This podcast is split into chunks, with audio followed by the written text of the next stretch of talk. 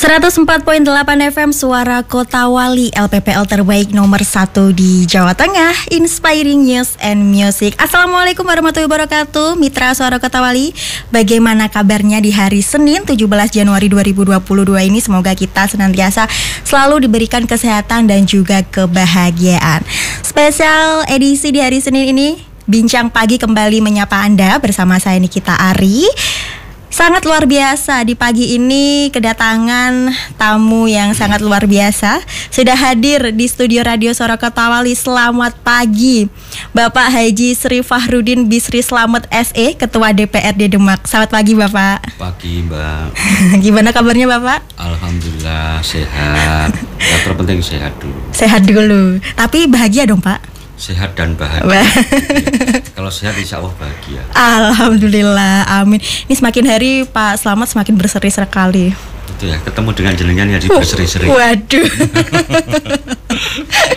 Bincang pagi ini temanya sangat luar biasa, menarik sekali. Membangun Demak di tahun 2022, Bapak. Ini sebagai kabupaten yang e, memiliki banyak potensi dalam berbagai bidang nih Bapak. Apa yang sebaiknya menjadi prioritas pembangunan di Kabupaten Demak dalam menunjang visi dan misi Kabupaten Demak, Pak? Selamat monggo. Oke, terima kasih Mbak. Jadi kalau kita mau melangkah ke depan membangun Demak pastinya ada beberapa hal yang uh, perlu kita ketahui sebagai dasar. Jadi kita ini sekarang posisi di mana hmm. nah, terkait Demak posisi Demak di mana terus Demak ini akan dibawa ke mana yeah. nah, tujuannya ke mana Demak hmm. dan yang ketiga ini dengan cara apa tiga hal pertanyaan dasar ini harus uh, kita jawab dengan data yang jelas artinya posisi Kabupaten Demak ini uh, sekarang di mana terkait dengan mungkin IPM-nya, angka kemiskinannya, uh, terus pengangguran terbukanya, hmm? terus PDB-nya berapa dan sebagainya. Ini pastinya kan sebagai acuan kita. Terus Demak ke depan mau dibawa ke mana?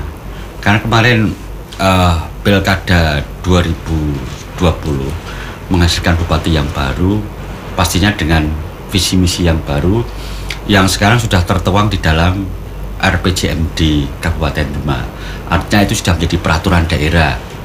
Nah, inilah uh, apa namanya acuan kita di dalam melangkah ke depan bahwa RPJMD visi misi bupati yang berasal dari visi misi bupati ini menjadi acuan kita ke depan sehingga arahnya ini jelas. Hmm.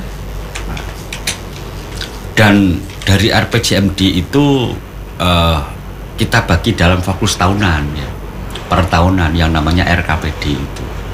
Nah, dari situ perencanaan-perencanaan yang ada katakanlah di tahun 2022 ini perencanaannya pastinya dari tahun 2021 sehingga karena kondisi kita ini masih uh, ada pandemi COVID ini sesuai dengan uh, apa namanya dari pusat bahwa yang pertama ini terkait dengan uh, permasalahan COVID-19 ini bagaimana? Artinya penyelamatan ataupun uh, penanganan COVID-19 ini seperti apa di tahun 2022. Yang kedua terkait dengan akselerasi ataupun percepatan pemulihan perekonomian dua hal ini yang uh, menjadi fokus juga di Kabupaten Demak. Oke. Okay. Karena uh, di tahun 2020 21 ini imbas dari Covid ini sangat besar. Hmm. Sehingga pertumbuhan ekonomi kita ini uh, minus yang biasanya di kisaran 5% untuk 2000 uh, 21 uh, 20 kemarin minus. Nah, ini pastinya kita kan harus berpikir bagaimana uh, penyelamatan ataupun uh, penanganan COVID-19 dengan pemulihan perekonomian ini kan harus selaras. Uh, dua-duanya harus bisa berjalan berimbang. Tapi sejauh ini langkah apa yang sudah dilakukan Pak untuk pemulihan ekonomi ini? Jadi itu kita merekomendasikan kepada uh, eksekutif untuk mengidentifikasi masalah-masalah terkait perekonomian penunjang PDRB. Jadi uh, sektor ekonomi yang sangat terpuruk, terpuruk dan normal. Ini mestinya uh, penanganannya berbeda. Uh, bagaimana yang sangat terpuruk ini diapakan? Yang terpuruk seperti apa dan normal harus bagaimana kan itu. Mestinya harus penanganan khusus sehingga uh, dalam hal identifikasi identifikasi masalah ini jelas. Kalau itu sudah ada penyelesaian ya pastinya bagaimana uh, daya beli masyarakat ini masih terjaga. Karena kalau tidak terjaga repot. Dengan cara apa? Pastinya uh, bagaimana pemerintah kabupaten ini menekan inflasi yang ada. Hmm. Nah, yang kedua, bagaimana jaring pengaman sosial ini tetap diadakan bantuan sosial itu. Hmm, nah, Oke. Okay. Nah, apakah dengan bantuan sosial seperti kita memberikan terus atau ada cara lain kan itu, Pak? Pastinya eh, bantuan sosial yang bisa eh, menuju kemandirian, pastinya seperti itu ada dua hal yang memang uh, ini harus dilakukan terkait dengan bantuan sosial. Bantuan sosial kita berikan pure atau kita uh, mempunyai tujuan bantuan sosial yang nanti bisa mandiri. Artinya kan seperti itu. Terus uh, bagaimana pemerintah kabupaten ini bisa cepat mengeksekusi terkait dengan uh, belanja APBD yang mengedepankan dari uh, sektor lokal sehingga perekonomian di sini bisa tumbuh begitu. Hmm, Oke, okay. menarik. Tadi Bapak menyebutkan mengenai uh, eh, RPJMD atau Rencana Pembangunan Jangka Menengah Daerah. Lalu bagaimana ini Pak rencana strategis dari DPRD Kabupaten Demak dalam mewujudkan pembangunan di Kabupaten Demak sesuai RPJMD di tahun 2021 sampai 2026 nanti? Nah itu kan dibagi fokus tahunan, Mbak. Mm -hmm. 2022 uh, kita masih fokus di dua hal. Oke. Okay. Berarti penanganan COVID mm -hmm. dan uh, percepatan pertumbuhan perekonomian dan uh, yang ketiga sebenarnya ini pembangunan infrastruktur uh, yang menunjang sektor ekonomi itu. Jadi tiga hal ini mestinya jadi prioritas di dalam nanti penganggaran di 2022. Oke. Di tahun 2022 berarti baru dua ini yang difokuskan ya Pak ya pertama uh, yaitu penanganan Covid dan percepatan pemulihan ekonomi. Ada tiga Pak. Ada tiga. Terus anu pembangunan infrastruktur penunjang sektor ekonomi. Oke, baik. Kembali mengenai uh, potensi yang ada di Kabupaten Demak.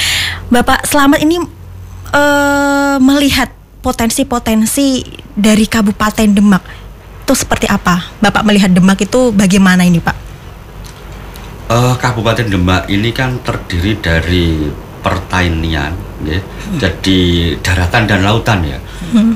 Ada eh, uh, 10 kecamatan ini yang mengandalkan sektor pertanian maupun jasa dan sebenarnya ada empat kecamatan yang potensi lautnya bisa tergarap dengan baik.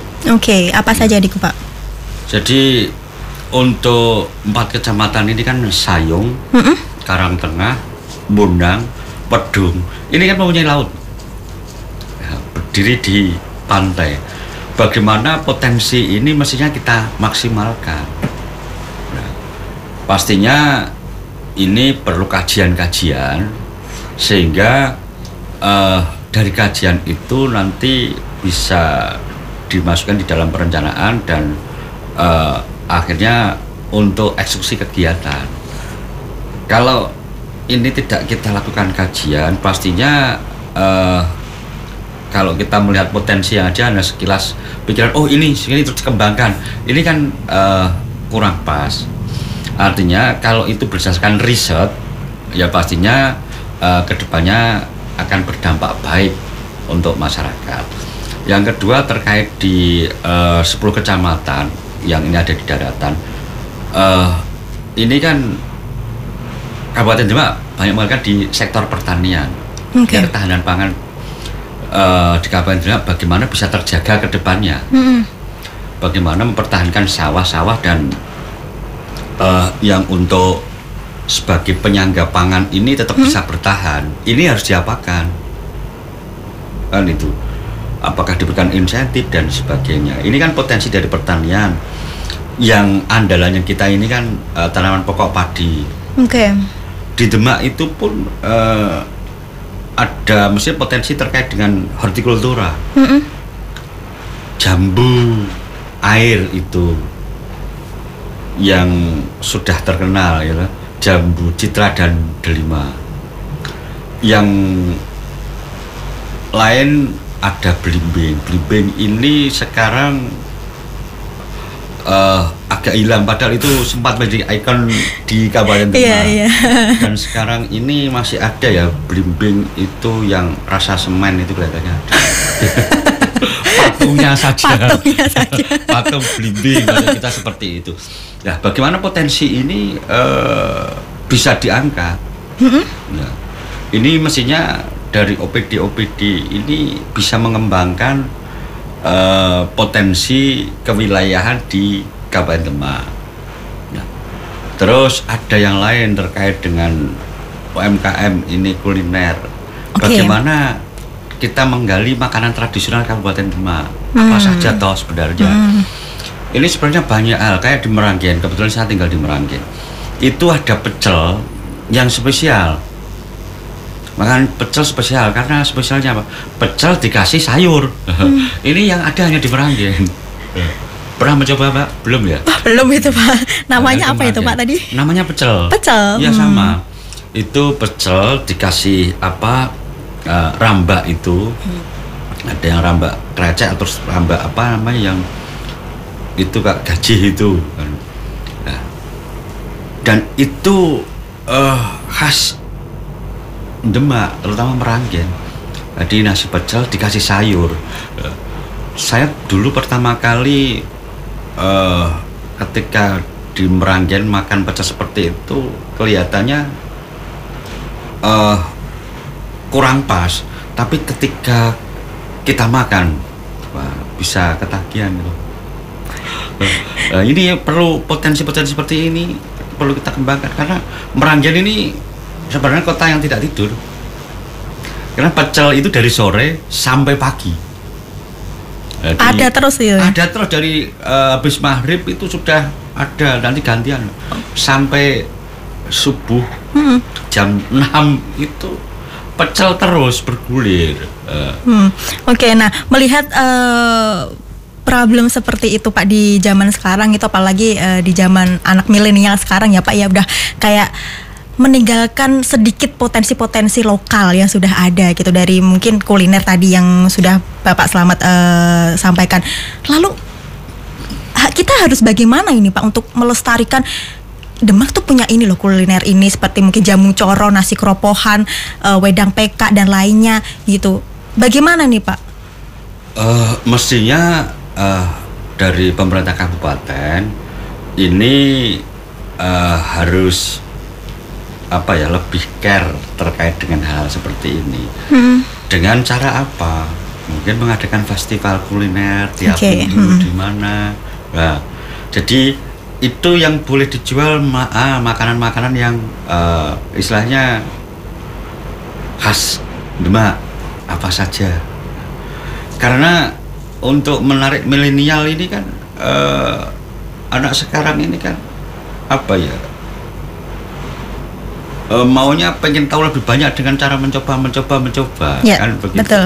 Kalau itu tidak disediakan eh, mereka juga tidak tahu. Tidak tahu, ya. Nah, pastinya mungkin ke depannya hal-hal seperti itu harus sering diadakan mungkin di tingkat kecamatan Hmm. sekali waktu mungkin diadakan di Wedung di Bonang sambil memperlihatkan potensi wisata yang ada di sana Iya. Loh, festival makan dan bagaimana meningkatkan pariwisata karena sektor sekarang pariwisata ini uh, harus digali potensinya. Iya, apalagi dem, uh, kunjungan wisata Demak itu menjadi nomor dua setelah Borobudur ya Bapak ya, terbanyak. Iya. Demak menjadi nomor dua ini luar biasa loh uh, antusias dari para wisatawan untuk berkunjung ke Demak ya karena itu Demak memiliki potensi-potensi yang sangat luar biasa dari sektor uh, wisata baharinya, wisata kulinernya juga gitu. Oke. Okay. Cuman uh, belum sering digelar festival. ya pastinya uh, bagaimana potensi wisata ini tidak hanya mengandalkan wisata religi saja. Mm -mm. Bagaimana wisata yang lain bisa tergarap sebenarnya banyak. Kenapa ya Pak kok uh, belum uh, di pernah diadakan festival uh, festival seperti itu? Uh, sebenarnya titik permasalahannya ada di mana nih Bapak? Ya, maksudnya kita urai bersama mm -hmm. terkait dengan hal ini sehingga uh, ini ke depan mungkin uh, setelah kita berbicara hmm. di sini semoga ya. dari eksekutif ada yang mendengar. Amin. Nah, sehingga uh, apa yang kita bincangkan hari ini kalau yang bermanfaat mungkin bisa digali potensinya dan bisa dilaksanakan. Artinya semuanya harusnya berdasarkan riset semuanya. Jadi kalau data-data itu uh, database-nya sudah ada, pastinya pelaksanaannya akan lebih mudah. Karena uh, kita meyakini bahwa perencanaan yang matang ini 50% keberhasilan. Oke, okay. luar biasa. Kembali lagi ke pembangunan di Kabupaten Demak, Bapak nih. Uh, dalam waktu dekat ini apa aja sih program-program dari DPRD Demak yang secara real mendukung prioritas pembangunan di Kabupaten Demak dalam waktu dekat ini, Pak? Apa? Jadi uh, eh, DPRD ini kan uh, punya tiga fungsi ya. Mm -mm. Fungsi budgeting anggaran, terus fungsi legislasi, legislasi ini pembuatan peraturan daerah, dan yang ketiga fungsi pengawasan, pelaksanaan kegiatan jadi uh, kita di DPRD itu ada yang namanya Bapemperda. Ini bagian yang mengurusi terkait dengan uh, pembuatan perda-perda. Karena pembuatan perda sekarang ini harus mampu menjawab tantangan zaman, hmm. harus mampu menjawab uh, kehendak masyarakat, hmm. sehingga perda ini bisa berkembang dinamis, mestinya sesuai dengan perkembangan zamannya. Hmm kita sudah merencanakan di 2022 ini ada sekitar 12 kan 14 uh, perda yang akan kita selesaikan. Di antaranya yang terpenting ini perda PBG sebagai pengganti daripada IMB. Karena itu adalah potensi untuk menghasilkan PAD Kabupaten Demak. Nah ini terkait perizinan IMB ini kan uh, stagnan ini macet ini Kenapa? karena aturannya belum ada. Oh, okay. nah, jadi untuk penguatan dari IMB-nya sudah dihentikan sementara aturan yang baru belum selesai. Ya karena terkendala terkait dengan Undang-Undang Cipta Kerja. Pada saat itu kita sudah mau laksanakan tapi uh, ada apa katanya ada MK terkait dengan uh, undang-undang cipta kerja itu. Kita kan menunggu. Ya hasilnya ya seperti itu. Dan uh, di bulan Desember kalau Januari tidak Januari awal ada surat ada surat dari Mendagri untuk tetap meneruskan uh, Perda PBG ini sebagai pengganti MP kalau ini tidak cepat kita akselerasi uh, pastinya potensi pendapatan akan hilang. Hmm. Jadi program pertama di bulan Januari kalau tidak Februari ini uh, bagaimana ini secepatnya uh, perda itu akan kita uh, selesaikan. Hmm. Yang kedua ini terkait bagaimana agenda-agenda uh, yang ada terutama terkait dengan pembahasan-pembahasan ini yang utama pembahasan APBD. Hmm ini mestinya bisa selesai tepat waktunya dan harapan kami ketika ini sudah selesai tepat waktu eksekusinya ya pastinya harus uh, sesegera mungkin jadi perda APBD tahun 2022 ini sudah kita setujui di tahun 2021 bulan November akhir. Hmm, oke. Nah, Desembernya ini mesti diikuti oleh desa. APBDes desa harus sudah selesai juga. Sehingga di bulan Januari Februari eksekusi terkait dengan kegiatan ini sudah bisa langsung Jalan. dilaksanakan. Jadi ini tidak menumpuk di akhir tahun kegiatan-kegiatan. Biasanya kan kalau akhir tahun wah uyaan itu untuk menyelesaikan ya. Makanya kita di sini sekalian kita himbau kepada eksekutif eh agar kegiatan-kegiatan ini bisa dilaksanakan seawal mungkin. Hmm. Oke baik. Eh, menurut Pak Slamet nih, siapa aja sih yang harus turut serta dan terlibat dalam pembangunan Demak ini, Pak? Ya, pastinya yang pertama masyarakat Kabupaten Demak Oh. harus semua terlibat. Ini sebagai stakeholder bahwa masyarakat Kabupaten Demak ini sebagai tuan kita. Hmm. Nah, kita eh, di PRD dan eksekutif ini membantu masyarakat. Dan hasil kinerja kita ya pastinya nanti akan kita laporkan pada masyarakat kan itu. Iya. Masyarakat yang mempunyai apa namanya eh hak sebagai tuan. Karena kita bekerja berdasarkan pastinya eh, usulan-usulan dari masyarakat bukan kemauan kita Oke. dari button up itu kan pendekatan pembangunan Hmm. Oke baik, ini menarik sekali dan ini eh, sangat apa ya?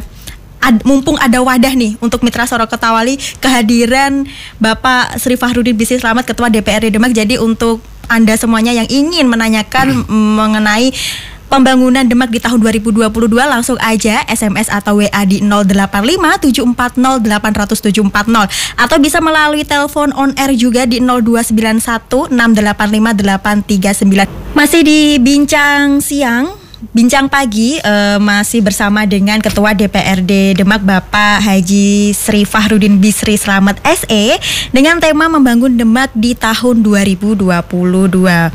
Bapak di tahun 2021 kemarin Demak ini panen prestasi loh. Misalnya seperti penghargaan keterbukaan informasi publik eh, sebagai kabupaten informatif dan juga eh, kuliner khas dari Kabupaten Demak Jamu Coro ini sebagai juara dua penghargaan anugerah pesona Indonesia.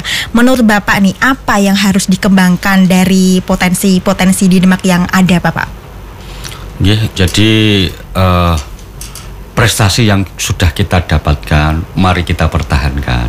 Nah, ke pastinya kita akan harus menjadi lebih baik begitu, sehingga eh, untuk lebih baik ini parameternya apa?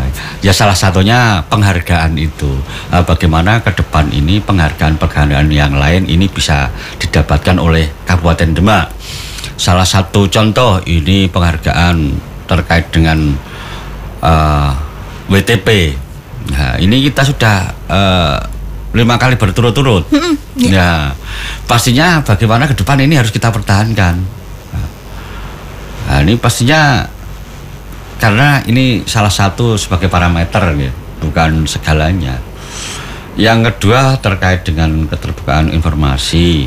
Nah, bagaimana eh, kita sudah mendapatkan penghargaan ini mestinya aplikasinya seperti apa keterbukaan informasi ini apakah sudah sesuai apa belum ya ketika eh, ke depan ya pastinya karena kita sudah mendapatkan peng- penghargaan ya pastinya akan lebih baik lagi dan mungkin eh, hal-hal yang ataupun kegiatan yang selama ini belum mendapatkan penghargaan bagaimana eh, direncanakan dengan baik sehingga di tahun 2022 ini menjadi panen raya begitu tidak hanya panen ya panen raya penghargaan Iya. untuk 2022 maupun 2023 ke depan sehingga kita sebagai warga Kabupaten Demak bisa menjadi lebih bangga terkait dengan hal itu. Hmm, oke baik. Karena mempertahankan itu jauh lebih sulit daripada mendapatkan. Betul. oke, sekarang kita ke masalah kesejahteraan nih Pak. masalah kesejahteraan ini kan menjadi topik yang sampai saat ini masih relevan dibahas di Kabupaten Demak. Karena angka kemiskinan di Kabupaten eh, Demak itu selama pandemi mengalami kenaikan lagi ya. Ini di tahun 2018 aja eh, 12,54 persen dan di 2020 ini meningkat menjadi 12,54 persen ya. Ini eh, bersumber dari Badan Pusat Statistik Demak. Bagaimana nih tanggapan Bapak? Ya memang eh, pandemi ini anu eh, sangat membuat kita terpuruk, terutama di sektor ekonomi. Ya. Hmm. Jadi yang pertama mari kita bersama-sama mengatasi masalah ini dengan cara gotong royong. Oke. Nah, dengan tentunya dengan kekuatan dan potensi masing-masing. Nah, seperti yang sudah tadi kami utarakan di depan eh, bahwa terkait dengan pengangguran terbuka juga meningkat Hmm. dari 5 menjadi 7 Oke. ya terus angka kemiskinan dari 11 jadi 12,54 Hmm. ya, 11,32 jadi li- eh, 12,54 Hmm. dan pertumbuhan ekonomi itu minus 2,3 ya. Nah, Alhamdulillah eh, Kabupaten Demak terkait dengan pertumbuhan ekonomi ini masih baik dari rata-rata nasional. Oke. Alhamdulillah di situ. Sehingga eh, seperti yang saya katakan tadi kita harus bisa mengidentifikasi mengidentifikasi masalah sektor-sektor mana penunjang DP, eh, PDRB ini yang sangat terpuruk, terpuruk dan normal. Sangat terpuruk harus diapakan? Pastinya kan diberikan inisiatif atau bagaimana sehingga mereka eh, bisa tidak terpuruk. Yang terpuruk seperti apa perlakuannya? Yang normal harus bagaimana? Yang normal mestinya diberikan akselerasi terkait pendanaan atau apa pun permodalan dan sebagainya sehingga bisa lebih cepat tumbuh. Nah, ini yang memang harus kita tanggulangi Nah, dan menjaga daya beli masyarakat ini hal yang terpenting. Kalau ini bisa kita jaga dan eh, pandemi COVID ini bisa menjadi endemi, ya insya Allah 2022 yang optimis, saya yakin eh, angka kemiskinan bisa ditekan. Ya, ini tinggal bagaimana kinerja dari eksekutif untuk bisa eh, mengidentifikasi masalah dan mencari solusi terkait dengan permasalahan yang ada. Pesan Bapak untuk para eh, eksekutif ini Pak, apa Pak? ya pastinya mereka harus bisa uh, berinovasi sehingga uh, potensi-potensi yang ada di Kabupaten Demak ini bisa tergali dengan baik dan pada endingnya bisa menghasilkan pendapatan asli daerah. Dan di situ pastinya kalau pendapatan naik ya mestinya bagaimana mensejahterakan masyarakat ini bisa uh, terwujud. Nah, dan uh, dari data PDB mestinya bisa naik yang sekarang di kisaran 7,2 itu. Uh, bisa lebih meningkat lagi terkait dengan pendapatan untuk masyarakat. Hmm, Oke, baik. Ini masih masalah kesejahteraan Bapak. Ini misalnya em, selama ini kan juga dirasakan ya oleh tenaga honorer, baik itu guru atau staf secara umum. Mengapa ini Pak? Dan bagaimana eh, tanggapan Bapak terkait hal ini? Gimana Pak? Kesejahteraan tentang eh, tenaga honorer, baik itu guru dan juga eh, staf secara umum. Tanggapannya seperti apa Pak? Eh, jadi sekarang kan ini ada undang-undang baru ya terkait dengan hubungan ke keuangan antara pemerintah daerah dan pemerintah pusat. Di situ eh, ya pada intinya bagaimana menggali potensi eh, dari pendapatan daerah. Nah, bagaimana honorer ini bisa bisa sejahtera ketika eh, pendapatan dari semua sektor ini ya bisa maksimal. Artinya untuk pembayaran gaji ini ya bisa lebih besar ketika ada pendapatan yang besar. Ketika pendapatan ini kita berkurang, ya pastinya masih terjadi seperti ini. Dan sebenarnya eh, untuk pengangkatan honorer ini kan sudah tidak dibolehkan. Oke. Ya. sehingga uh, bagaimana belanja pegawai ini bisa uh, sesuai dengan aturan yang ditentukan dan untuk mengatasi terkait dengan honorer yang ada ini ya pastinya uh, bagaimana pinter-pinter kita membagi kue APBD itu karena sudah ada ketentuan-ketentuan yang ada hmm. dari untuk infrastruktur belanjanya harus berapa persen belanja pegawai harus berapa persen dan sebagainya nah persentasenya ini mungkin 10% tapi kalau pendapatan besar ini kan 10% dari total besar kan dapatnya besar nah, hmm. pastinya sektor dari sektor-sektor itu ya bisa terangkat. Nah, handphone kami uh, untuk tidak menambah tenaga honorer lagi karena yang ada aja belum uh, apa namanya belum bisa dimaksimalkan belum sesuai dengan aturan yang ada. Kalau kita melihat bahwa mestinya wong di sektor swasta aja harus sesuai dengan UMK ya. Hmm. nah, bagaimana tenaga honorer mestinya minimal kan sesuai UMK. Iya. Nah, ini kan belum bisa.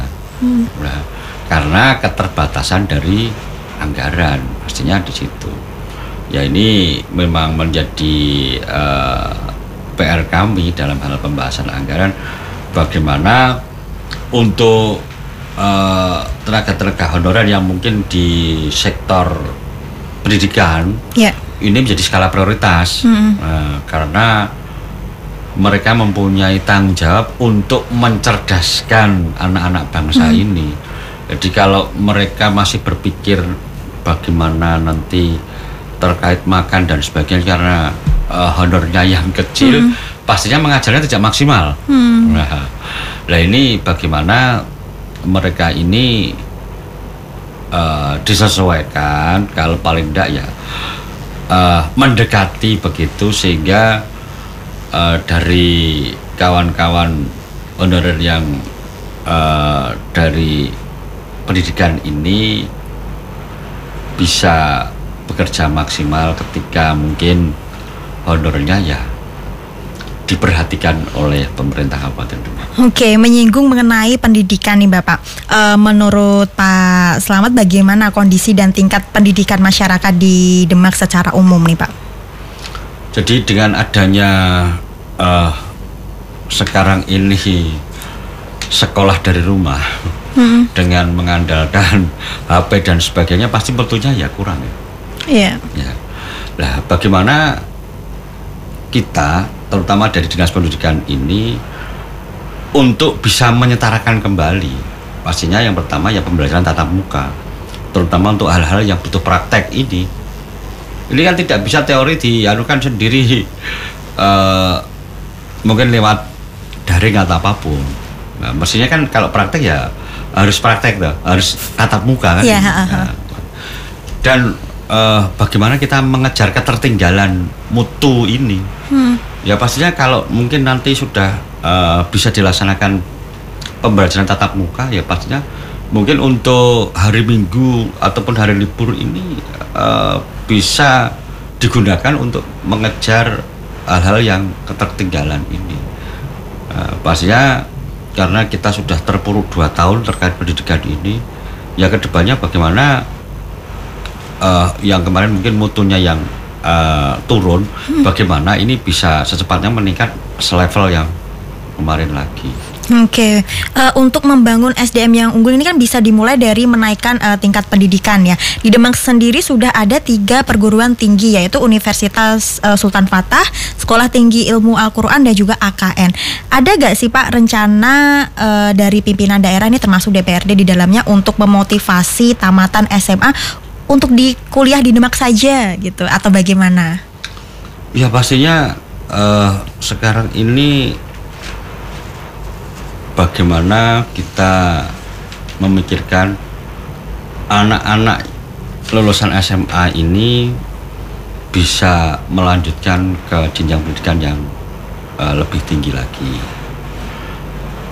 Dengan adanya uh, tiga perguruan tinggi di Kabupaten Demak, hmm. mestinya ini Pemkap ya bisa mensupport semuanya sehingga bagaimana uh, anak-anak di Kabupaten Demak ini bisa bangga berkuliah di Kabupaten Demak. Nah kebanggaan itu pastinya dimulai dari mana kan itu mesti kan mutu dari pendidikan itu kan mutu dari tiga perguruan tinggi itu kan harus jelas dulu. Ya sehingga masyarakat bisa melihat oh kuliah di sini anunya baik dan sebagainya. Nah, mestinya dari dua sisi ini harus bisa terbangun dengan baik sehingga masyarakat bisa melihat bahwa perguruan tinggi di Kabupaten Demak ini e, memang punya potensi dan terutama ketika lulus mereka ini bisa langsung disalurkan untuk bekerja. Hmm. Nah, ini yang terpenting. Oke, okay. uh, eh, baik. Uh, ini sekarang Pemkab Demak kan sedang ini ya Pak ya uh, fokus gencar vaksinasi untuk anak usia 6 sampai 11 tahun nih Bapak. Hmm. Bagaimana nih Pak uh, tanggapan dan harapan dari Pak Sri Fahrudin Bisnis Selamat mengenai antusias anak-anak untuk mengikuti vaksinasi COVID-19 ini untuk usia 6 sampai 11 tahun ini Bapak? Oke, uh, ini yang pertama saya ingin mengucapkan terima kasih pada jajaran kepolisian dan hmm. TNI serta uh, dari kesehatan yang sudah melaksanakan vaksinasi pada anak-anak Ya biasa kendala-kendala yang terjadi anak-anak itu kan biasa ketika kita kecil dulu roh jarum suntik aja takut kita ya, takut nangis gitu ya, nah, ya pak. Nah, bagaimana anak-anak ini bisa termotivasi dan berani untuk divaksin ya pastinya saya pikir sudah uh, banyak inovasi-inovasi yang dilakukan hmm. seperti mungkin diberikan susu diberikan susu diberikan roti dan sebagainya sehingga anak-anak menjadi uh, berani dan yang kedua mestinya orang tua harus bisa memotivasi pada hmm. anak-anaknya bahwa vaksin ini adalah untuk kebaikan kita bersama ya untuk kehidupan kita bersama sehingga anak-anak diberikan motivasi agar mereka tidak takut jangan malah dibeden-bedeni hmm. nah sekarang ini ada hak ketika apa dilaksanakan vaksinasi untuk anak-anak ini uh, banyak kejadian-kejadian yang uh, tidak baik ini mestinya uh, kita tanggulangi bersama antara orang tua, masyarakat dengan pemerintah kabupaten dan jajaran TNI maupun Polri terkait dengan hak-hak yang uh, mengarah pada vaksin untuk anak-anak ini. Dan masyarakat tentunya jangan mudah percaya terkait dengan berita-berita seperti itu. Hmm. Nah, jadi kita harus bisa menanggulangi berita-berita seperti itu dicari kebenarannya kan begitu nah, terkait vaksin ini memang uh, yang menyebabkan mereka takut ini karena berita hoax yang iya, berita yang tidak benar itu ya, beredar ya pak di ya media sosial ini sehingga bagaimana kita bersama untuk menangani masalah ini. Oke okay, baik. Uh, kita akan lanjutkan lagi Pak uh, bincang pagi kita mengenai membangun Demak di tahun 2022. Masih kita tunggu mitra suara Kota Wali yang ingin bertanya langsung aja di 085740800740 bisa SMS ataupun juga WhatsApp ya. Bincang pagi membangun Demak di tahun 2022 bersama dengan Ketua DPRD Demak, Bapak Haji Sri Fahrudin Bisri Selamat SE. Bapak, ini sudah ada beberapa atensi yang sudah masuk melalui WhatsApp kami di 085740800740. Yang pertama ada dari Dava di Wedung. Bapak, apakah program eh, adakah program dari DPRD yang dikhususkan untuk membantu pelajar dari keluarga kurang mampu agar bisa melanjutkan pendidikan hingga minimal mengenyam pendidikan wajib di 12 tahun? Semoga Bapak. Uh, jadi di DPRD tidak ada program seperti itu. Okay. Karena fungsi kita itu kan tadi jadi uh, budgeting, mm -hmm. terus uh, pembuatan peraturan dan pengawasan. Program itu ada di eksekutif. Hmm. Nah, cuman eh, kami ingin bertanya, apakah ada kesulitan terkait dengan hal itu? Monggo kalau ada kesulitan terkait dengan eh, pendidikan dasar itu, apakah tidak mampu membayar apa SPP atau apa pun bisa berkoordinasi dengan kita dan akan kita koordinasikan dengan dinas pendidikan begitu. Oke, baik. Itu Mas Dava yang ada di Wedung semoga menjawab pertanyaan tadi ya. Selanjutnya ada dari Mbak Siswanti di Kebun Agung. Pak, eh, ancang-ancang yang diambil untuk menghadapi puncak Omikron yang diperkirakan terjadi pada Februari sampai Maret 2022 ini seperti apa, Pak? Eh, sekaligus kami ingin menghimbau kepada masyarakat Kabupaten Demak. Yang pertama ini bagaimana kita tetap menjaga protokol kesehatan. Nah, itu kuncinya Mitra Sarakota Wali. Memakai masker, nah, mencuci tangan dan menjaga jarak. Hmm. Ini jangan diabaikan. Ya. Karena saya melihat eh, masyarakat sekarang sudah banyak yang abai terkait dengan protokol kesehatan. Ya. Jadi mohon nyuwun tulung kagem sedulur sedanten masyarakat Kabupaten Demak untuk tetap mentaati protokol kesehatan. Oke, yang kedua tentunya ya yang sekarang sedang digalakkan yaitu program vaksinasi untuk anak-anak dan nanti untuk lansia juga bagaimana program ini harus bisa kita sukseskan. Karena tanpa kesadaran masyarakat, program ini tidak ada, tidak akan sukses. Nah, ini bukan kemauan pemerintah, Ya, tapi ini adalah untuk kebaikan masyarakat semuanya. betul. Bukan untuk pemerintah atau siapa pun, tapi untuk kita semuanya. Makanya kita harus dukung terkait dengan uh, suksesi daripada vaksin ini. Hmm, Oke, baik. Itu Mbak Siswanti yang ada di Kabupaten Agung. Jangan sampai lengah pokoknya prokesnya. Kalau sudah prokes jangan lupa untuk vaksin juga ya. Karena dua itu adalah dua sejoli yang nggak terpisahkan. Betul. baik, eh, Pak. Ini kan sekarang kita memasuki musim hujan ya. Banyak jalanan itu yang rusak dan juga bletok, bletok. Bletok. Heeh. Bagaimana nih Pak peran DPRD Demak di masa pandemi sekaligus di musim hujan? Seperti apa Bapak? Eh, kami mengimbau kepada pemerintah Kabupaten Demak atau dalam hal ini eksekutif sebagai pelaksana. Eh, yang pertama mendeteksi terkait dengan musim hujan ini seperti apa. Jadi antisipasinya seperti apa? Biasanya kalau musim hujan ini kan eh, seperti di tahun lalu ini ada banjir. Nah, bagaimana deteksi terkait dengan banjir ini biasanya langganan banjir di mana sayung aduh ya. Nah, bagaimana eh, tahun kemarin terjadi untuk tahun 2022 ini tidak terjadi. Nah, jika toh terjadi, antisipasinya seperti apa?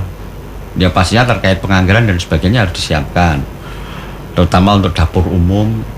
Nah, ini harus sepatnya ada dan sebagainya. Pastinya ini yang harus eh, diantisipasi.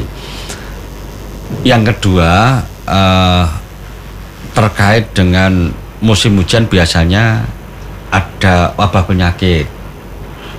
Ini terkait dengan nyamuk karena banyak genangan air. Nah, bagaimana jentik-jentik nyamuk ini bisa dimatikan? Kan begitu. Ya. Nah, sehingga DB tidak menyebar. Ini juga peran serta dari masyarakat juga dalam hal menjaga eh, lingkungan Hmm, Oke. pastinya bagaimana jentik-jentik nyamuk ini tidak berkembang di lingkungan kita. Kita harus bersih dan sebagainya. Nah, Ini juga mestinya dari dinas kesehatan untuk bisa menyiapkan antisipasi terkait dengan eh, adanya wabah penyakit ini. Dan ketika itu terjadi harus bagaimana? Ini pastinya ya sudah harus direncanakan dan harus diprogramkan. Karena ini kan mestinya terjadi tiap tahun. Sehingga pengalaman kemarin mestinya bisa menjadi kaca dan eh, di tahun depan pastinya bagaimana hal-hal seperti itu bisa diminimalis, uh, diperkecil ataupun bagaimana hal itu tidak terjadi di Kabupaten Demak. Oke, baik. Ini menyinggung Desa Sayung nih ada dari Mitra Suara Kota Wali Muhammad Arifin yang ada di Surodadi. Pak, di desa saya kalau musim hujan jalannya itu uh, seperti bubur katanya. Uh, terutama di de, uh, dusun Pangkalan, Bogo Payung, Tugu, Surodadi Sayung.